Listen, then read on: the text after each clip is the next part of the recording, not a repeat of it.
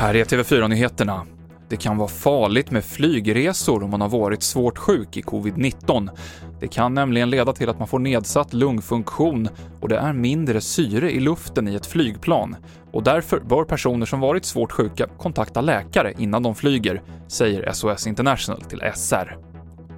Nu klockan 11 så kommer domen mot Sveriges tidigare Kina-ambassadör Anna Lindstedt, som är misstänkt för brott mot rikets säkerhet för att ha ordnat möten för att få den svenska förläggaren Gui Minhai frisläppt av Kina.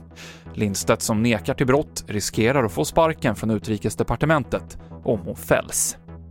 Och Notre Dame ska se ut som den alltid gjort när den restaureras efter den stora branden förra året.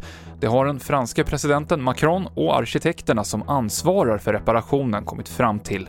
Macron var tidigare inne på att förnya kyrkan med till exempel en ny sorts spira, men nu har han slagit in på linjen att försöka återskapa Notre Dame så exakt som möjligt. TV4-nyheterna med Mikael Klintevall.